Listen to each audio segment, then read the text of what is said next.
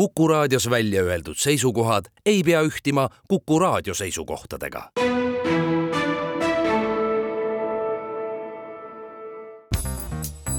järjejutt. John Irving, palve Owen Meani eest, tõlkinud Mario Pulver Postimehe kirjastuselt. järjejutt. olen mõistetud mäletama poissi, kelle hääl oli rikutud. mitte tema hääle või sellepärast, et ta oli väikseim inimene, keda olen iial tundnud, või isegi sellepärast, et tema põhjustas mu ema surma, vaid sellepärast, et tema on põhjuseks, miks ma usun Jumalasse. ma olen kristlane Owen Meani tõttu ma ei väidagi, et elan Kristuses või Kristusega ja kohe kindlasti mitte Kristuse pärast, nagu olen kuulnud mõnda usuhullu väitmas.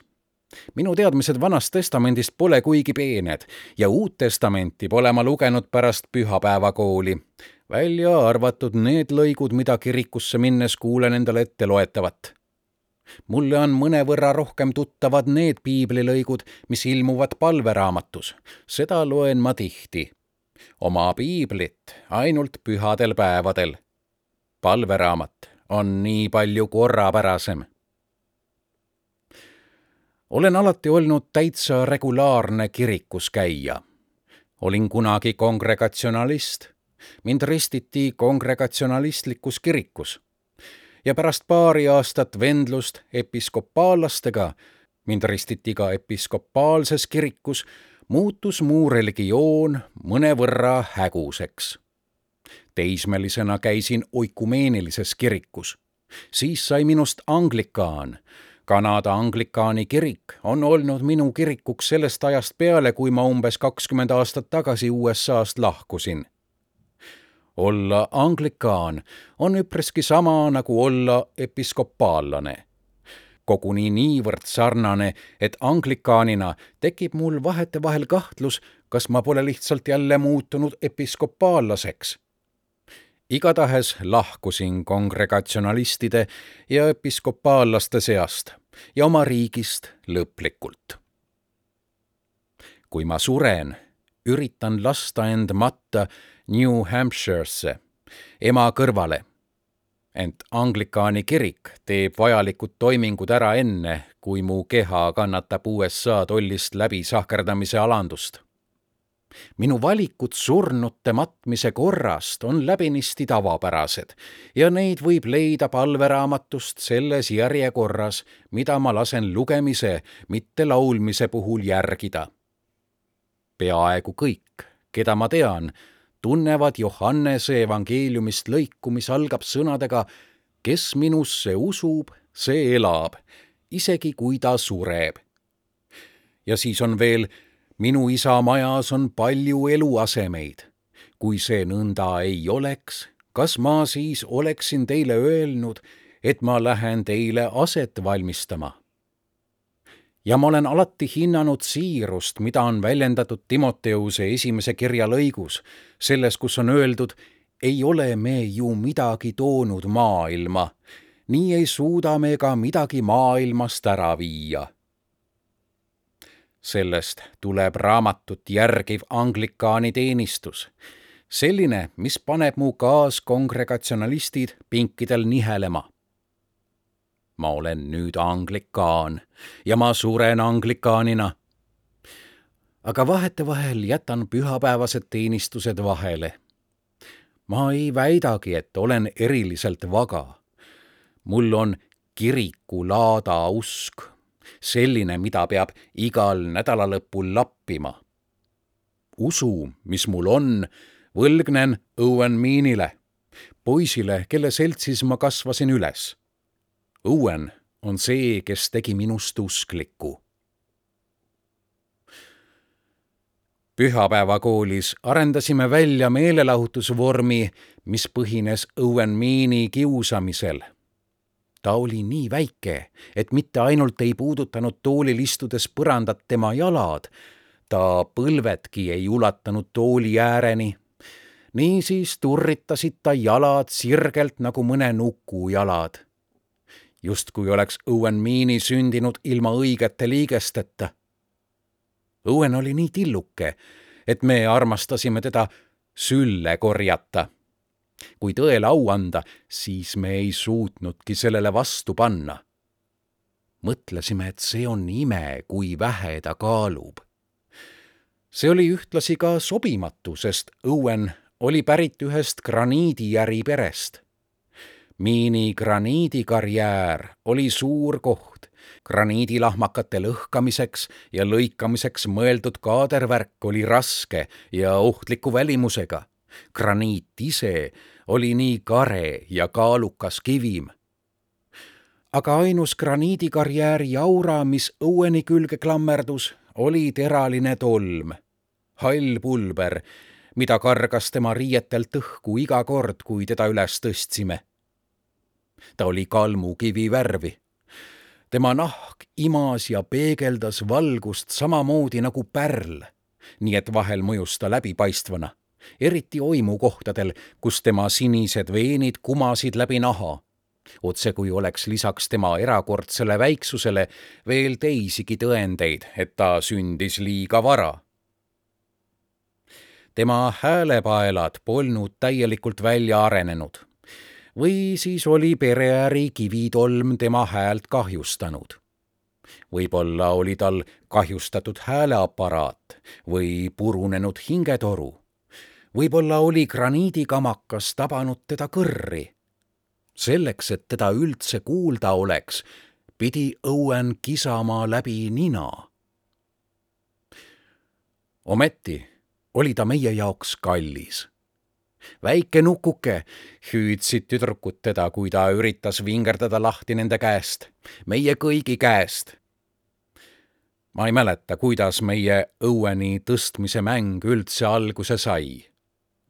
see oli kirikus, New Hampshire Gravesendi episkopaalkirikus.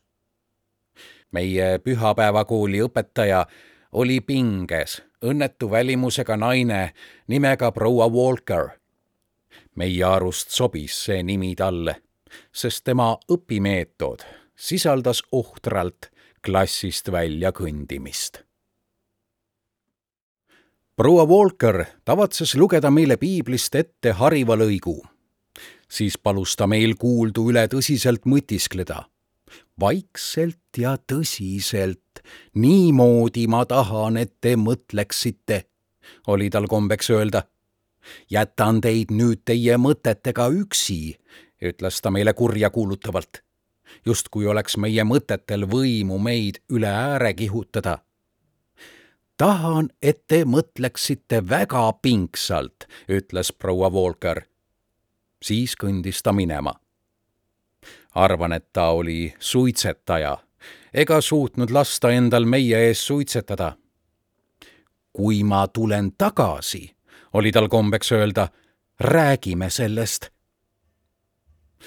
selleks ajaks, kui ta tagasi tuli, olime meie muidugi unustanud kõik selle kohta, mis iganes see ka polnud, sest niipea, kui ta toast lahkus, asusime meie maruliselt lollitama sest kuna üksi oma mõtetega ei olnud üldse lõbus olla, oli meil kombeks Owen Meani üles tõsta ja teda üle pea edasi-tagasi saata.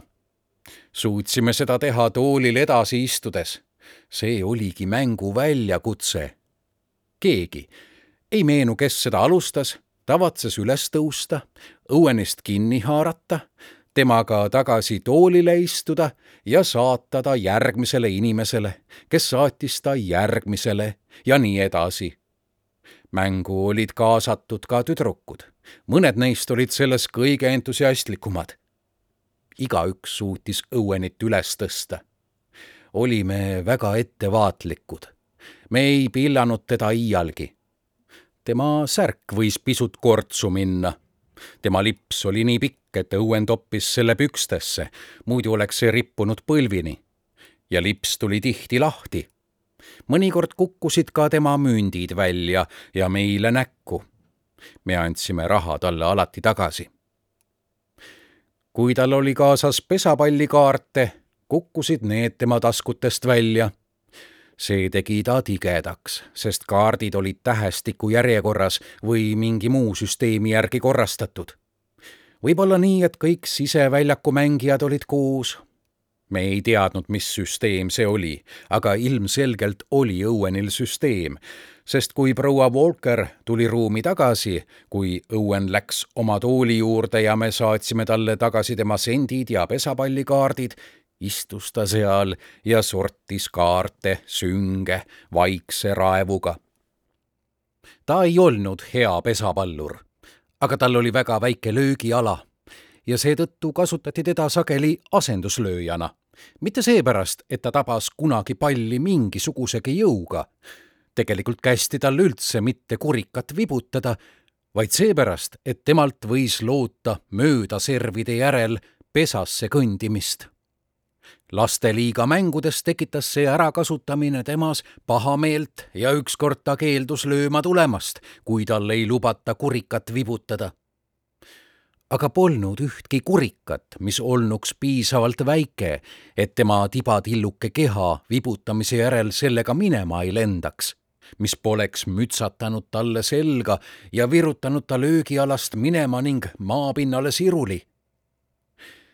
Nii et pärast seda alandust, kui ta vibutas paari servi suunas, lõi mööda ja paiskas end jalust, valis Owen Meany selle teise alanduse, seistes liikumatult ning kodupesas kükitades, kuni söötja sihtis Oweni löögiala ja viskas peaaegu iga kord mööda.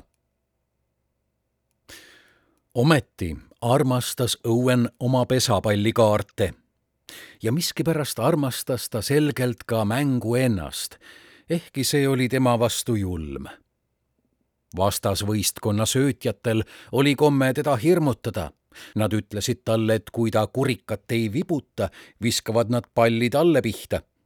su pea on suurem kui su löögitsoon, kutt, ütles üks söötja talle niisiis jõudis Owen Meany esimesse pesasse ka pärast tema pihta visatud serve. juba pessa jõudnuna oli ta staar. Mitte keegi ei jooksnud pesades nagu Owen. kui meie võistkond suutis piisavalt kaua lööjaks olla, võis Owen Meany tagasi kodupesale jõuda teda kasutati viimastes voorudes ka asendusjooksjana asendusjooksja ja asenduslööja miini, asenduskõndija, nagu meie teda kutsusime. väljakul oli ta lootusetu. ta kartis palli, surus silmad kinni iga kord, kui see tema lähedalegi jõudis. ja kui ta mingi ime läbi selle kinni püüdis, ei saanud ta seda visata tema käsi oli korraliku haarde jaoks liiga pisike aga ta polnud mingi lihtlabane vinguja. isegi ennast haletsedes oli tema hääl kaebuse väljenduslaadilt nii originaalne, et ta oskas muuta ka halisemise armsaks.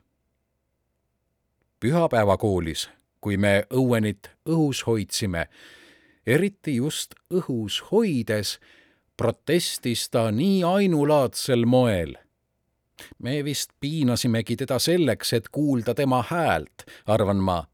Mulle tundus toona, et tema hääl pärines teiselt planeedilt. nüüd olen veendunud, et see hääl polnudki täielikult siit ilmast. pange mind maha, ütles ta sellisel lämbunud, rõhutatud falseti häälel. lõpetage ära, ma ei taha seda enam. aitab nüüd, pange mind maha Te persevestid!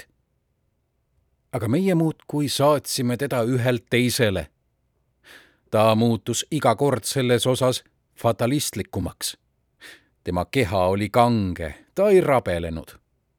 kord, kui me ta üles tõstsime, pani ta käed trotslikult rinnale risti ja vahtis vihaselt lakke vahel haaras Õuen oma toolist samal hetkel, kui proua Walker ruumist lahkus ta klammerdus selle külge nagu puurilind oma õrrele, kuid teda oli kerge lahti kangutada, sest ta kartis kõdi. Üks tüdruk, Suki Swift, oli eriti osav õueni kõdistaja. poisi käed-jalad turritasid silmapilk välja ja ta oli meil jälle õhus. ei kõdita, ütles ta siis. aga selle mängu reeglid olid meie reeglid. me ei kuulanud õuenit kunagi proua Walker ilmus vältimatult tagasi just siis, kui Owen oli õhus. arvestades meile antud juhiste mõelge väga pingsalt piibellikku loomust, oleks ta võinud kujutada ette, et meie ühiste ja kõige pingsamate mõtete ülev kooslus oli edukalt Meani lendu tõstnud tal oleks võinud olla vaimukust kahtlustada, et Oweni sirutus taeva poole oli otsene tagajärg sellele, et ta jättis meid oma mõtetega üksi. aga proua Volkeri reaktsioon oli alati sama, jõhker ja fantaasiavaene ning uskumatult julm. Owen, käratas ta tavaliselt, Owen Meani, kohe oma kohale tagasi, tuled sealt kohe alla mida sai proua Walker meile piibli kohta õpetada, kui ta oli piisavalt loll arvamaks, et Owen Meani oli end ise õhku riputanud. Owen suhtus sellesse alati väärikalt. ta ei öelnud kunagi, nemad tegid seda, nad kogu aeg teevad seda, korjavad mu üles ja kaotavad mu raha ära ja ajavad mu pesapallikaardid sassi ja nad iialgi ei pane mind maha, kui ma neid palun. kas te arvate, et ma lendasin sinna üles või? ent kuigi Owen kaebas meile, ei kaevanud ta iialgi meie peale. õhus suutis ta vahetevahel olla stoiline, aga kui proua Walker süüdistas teda lapsikus käitumises, oli ta alati stoiline ta ei süüdistanud meid mitte kunagi. Owen polnud mingi kits. sama värvikalt nagu ükskõik millised piiblilood näitas Owen Meani meile, kes on märter. tundus nagu poleks olnud paksu verd. kuigi me hoidsime oma kõige rituaalsemaid rünnakuid tema vastu pühapäevakooliks, tõstsime teda üles ka muudel aegadel, spontaansemalt ükskord haakis keegi ta algklassisaalis kraetpidi riidepuu otsa. isegi siis, isegi seal ei hakanud õuen rabelema. ta kõlkus vaikides ja oodates, et keegi võtaks ta riidepuult ning tõstaks maha. ja pärast kehalise tundi riputas keegi ta tema riidekappi ja lükkas ukse kinni.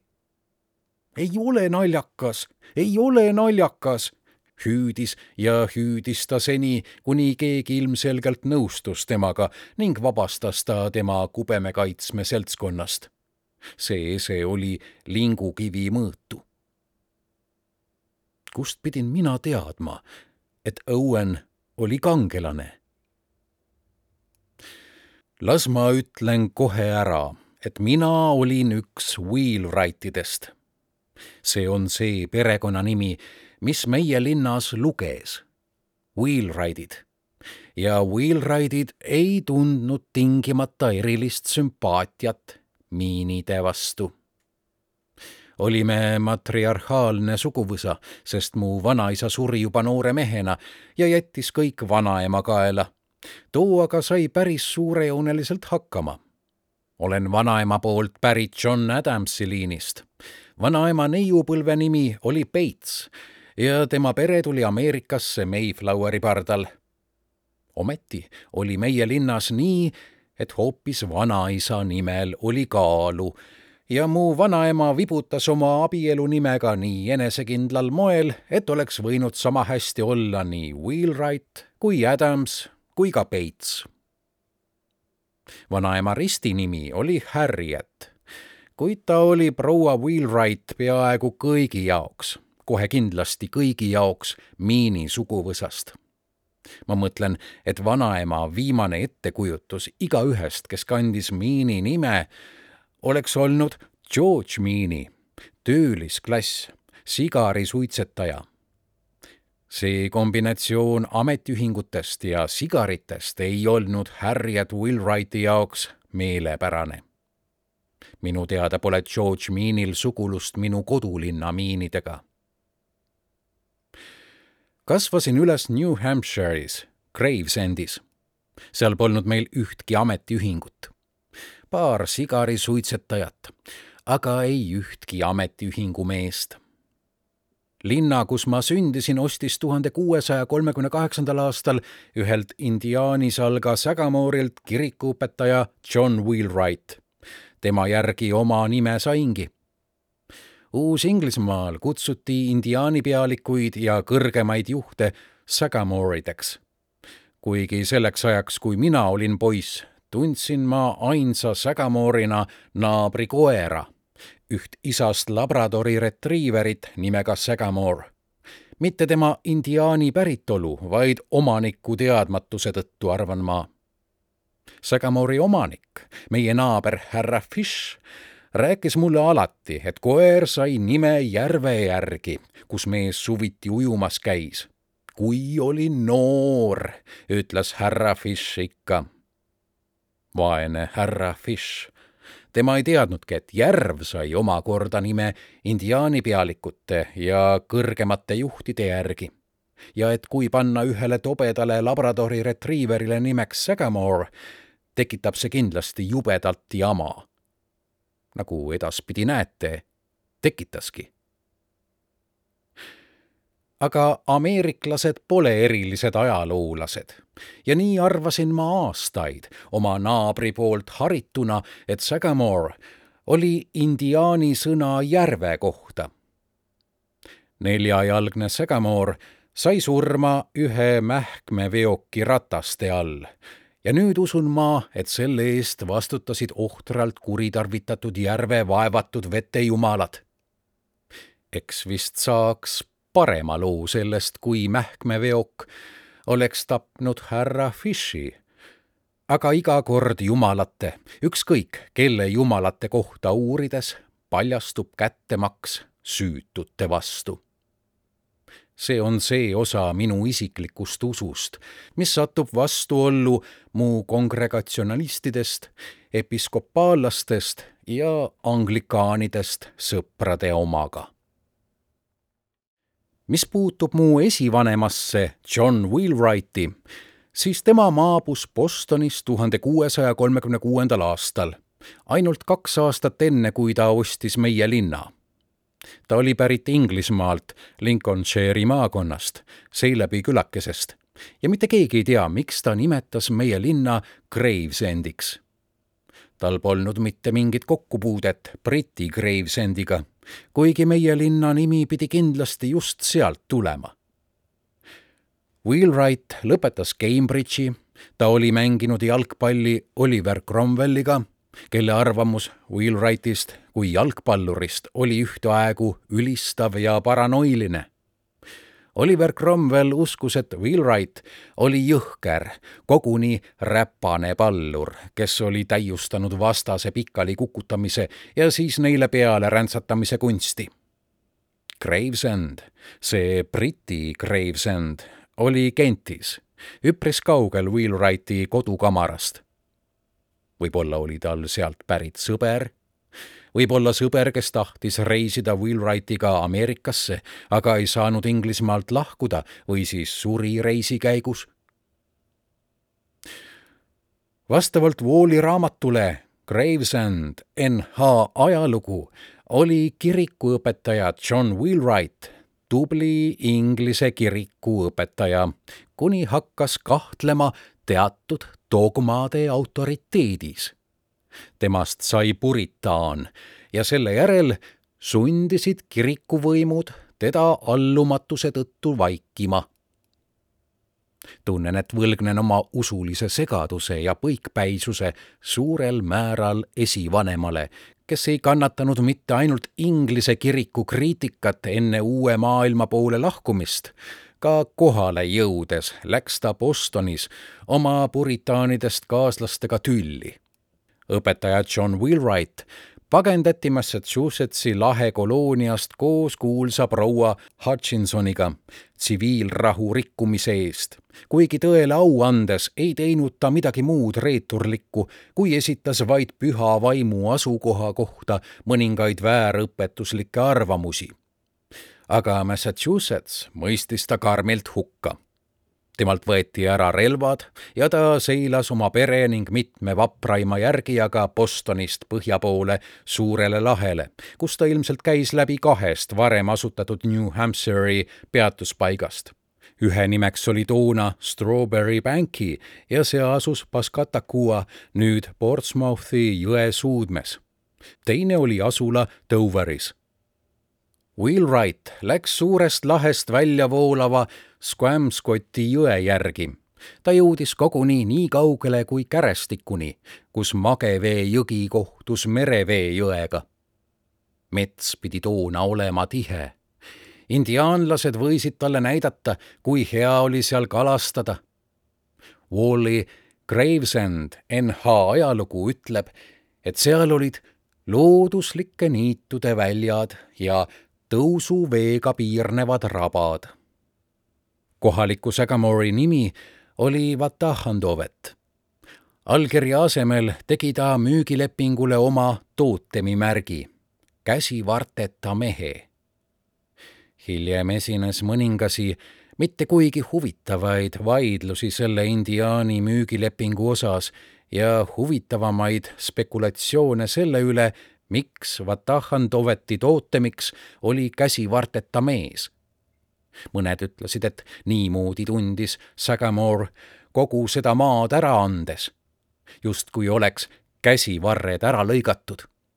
ja teised osutasid, et varasemad Vatahandoveti jäetud märgid kujutasid kogu, kes oli küll käsivarteta, ent kelle suus oli sulg.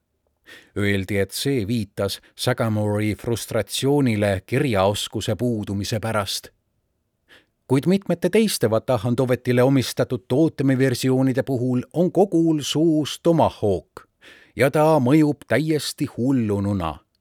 või siis jällegi viipab rahumeelselt. Pole käsivarsi, tomahawk on suus, kokku peaks see võib-olla tähendama, et Vatahandovet ei tahagi võidelda. Mis puutub vaidlusaluse müügilepingu kohta langetatud otsusesse, võite olla kindlad, et selle lahkheli lahendamise kasusaajateks ei olnud indiaanlased. ja veel hiljem langes meie linn Massachusettsi võimu alla. see võib selgitada, miks tänini jälestavad Gravesendi elanikud Massachusettsist pärit inimesi. Härra Wheelwright kolis Maine'i osariiki ta oli kaheksakümnene, kui pidas Harvardis kõne ja palus annetusi, et ehitada uuesti üles tulekahju hävitatud kolledži osa, demonstreerides, et tema kandis Massachusettsi elanike peale vähem vimma kui ükski teine Gravesendi elanik. Wheelwright suri Massachusettsis, Salisbury's, kus ta oli peaaegu üheksakümneselt kiriku vaimseks juhiks aga kuulake Gravesendi asutajate perekonnanimesid.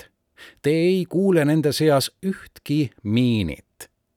Barlow, Blackwell, Cole, Copeland, Crawley, Dearborn, Hilton, Hutchinson, Littlefield, Reed, Rishworth, Smart, Smith, Walker, Wardell, Wentworth, Wheelwright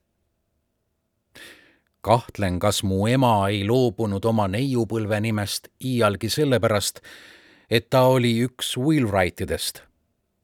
mina arvan, et tema uhkus ei sõltunud Wheelwrighti pärilusliinist ja ta oleks säilitanud oma neiupõlve nime ka siis, kui oleks sündinud miinide sekka. Ja mina ei kannatanud neil aastail kordagi tema nime pärast. mina olin väike Johnny Wheelwright isa teadmata ja sel ajal see sobis mulle. ma ei kaevelnud kunagi. mõtlesin alati, et ühel päeval ta räägiks mulle sellest, kui ma oleks piisavalt suur, et lugu teada. See paistis olevat selline lugu, mille kuulamiseks pidi olema piisavalt suur. alles siis, kui ta suri, poetamata mulle sõnakestki selle kohta, kes oli mu isa, tundsin ma, et mind oli tüssatud informatsiooniga, mida mul oli õigus teada. alles pärast tema surma tundsin ma tema vastu vihakübet. isegi kui mu isa identiteet ja lugu olid emale valusad, isegi kui nende suhe oli olnud nii räpane, et igasugune paljastus sellest oleks heitnud mõlemale mu vanemale pidevalt ebasoodsat valgust kas ema polnud siiski isekas, kui ta ei rääkinud mulle isa kohta mitte midagi? muidugi, nagu osutas Owen Meany, olin ma ema surres üheteistkümnene ja ema oli alles kolmekümnene. ta ilmselt arvas, et loo rääkimiseks on jäänud küllalt aega. ega ema teadnud, et ta sureb nagu sõnastas seda Owen Meany. loopisime Oweniga kive Squamscotti, sellesse merevee jõkke, tõusuvee jõkke. või õigemini, mina loopisin kive jõkke. Oweni kivid maandusid mudamadalikul, sest oli mõõn ja vesi oli Owen Meany pisikese nõrga käe jaoks liiga kaugel meie loopimine oli häirinud muda nokkinud hõbekajakaid, kes olid kolinud Squamscotti vastaskaldale pillaheina sisse. oli kuum, lämbe suvepäev. mudamadalike mõõnahais oli soolakam ja morbiidsem kui tavaliselt. Owen Meany ütles mulle, et mu isa teaks, et mu ema on surnud ja et kui ma olen piisavalt suur, tutvustaks ta end mulle. kui ta on elus, ütlesin ma endiselt kive heites. kui ta on elus ja hoolib sellest, et on mu isa, kui ta üldse teab, et on mu isa. Ja kuigi ma ei uskunud teda sel päeval, oli see just see päev, kus Owen Meany alustas oma pikka panustamist minu jumala usku. Õuen viskas üha väiksemaid kive, kuid ei jõudnud ikkagi veeni. oli küll teatav väike rahuldus sellest helist, kui kivid mudamadalikku tabasid, ent vesi pakkus mudast igatepidi rohkem rahuldust. Ja peaaegu muuseas enesekindlusega, mis mõjus tema tillukese suurusega kõrvutades üllatava ja mõistmatult suurena, ütles Owen Meany mulle, et ta on kindel, et mu isa on elus, et ta on kindel, et mu isa teab, et on mu isa ja et Jumal teab, kes on mu isa, isegi kui mu isa ei astuks iialgi ette, et end tutvustada sinu isa võib peituda sinu eest, ütles Owen. aga ta ei saa peituda Jumala eest. ja selle kuulutuse järel Owen Meany mühatas, lastes lendu kivi, mis jõudis veeni. olime mõlemad üllatunud.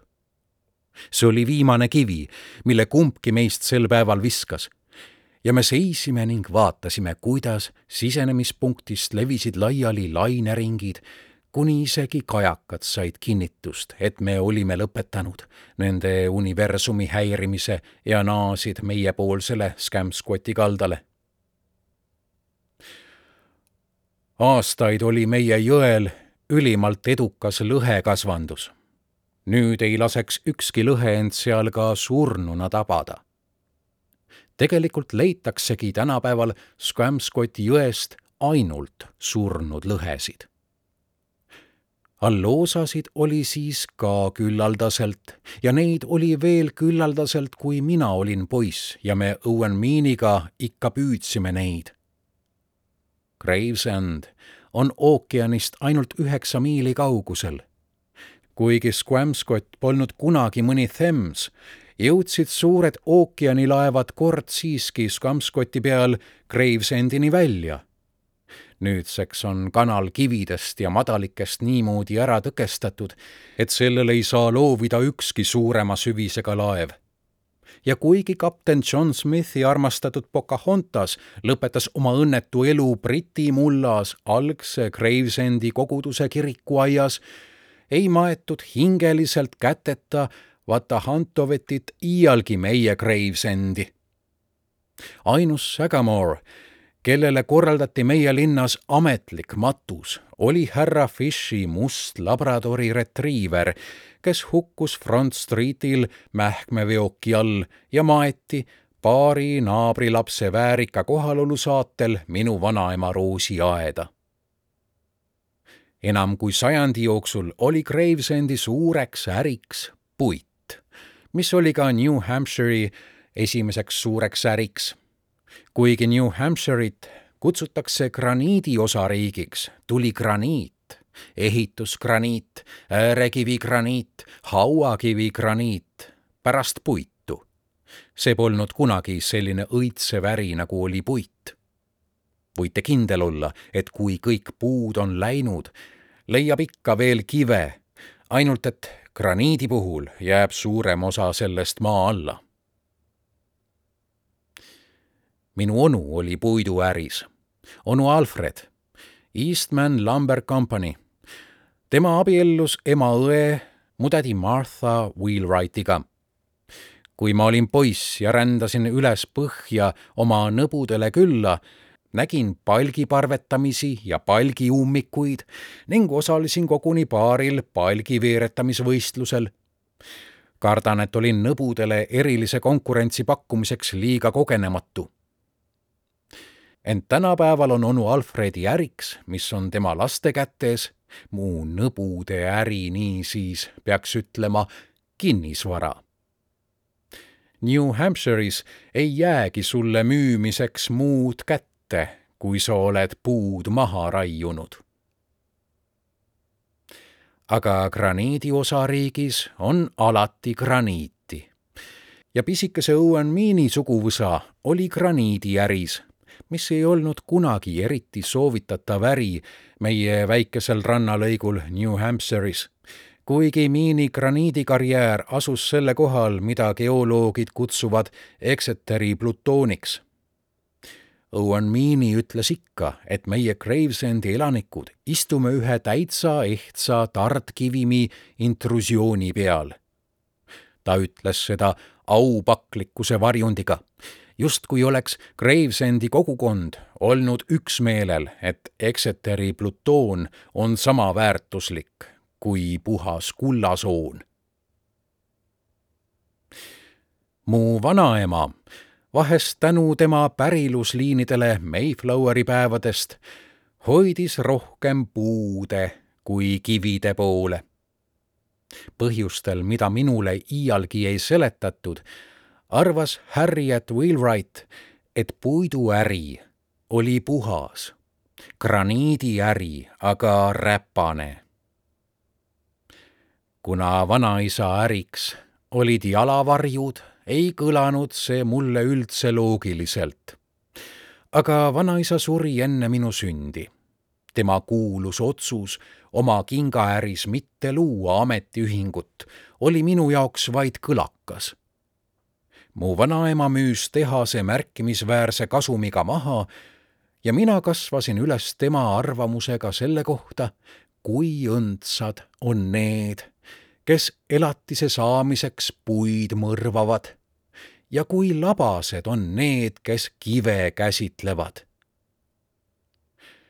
me kõik olime kuulnud puiduparunitest.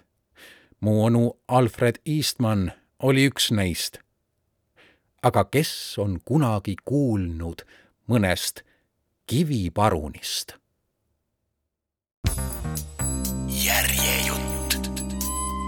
John Irving, palve Owen Meani eest, tõlkinud Mario Pulver Postimehe kirjastuselt. järjejutt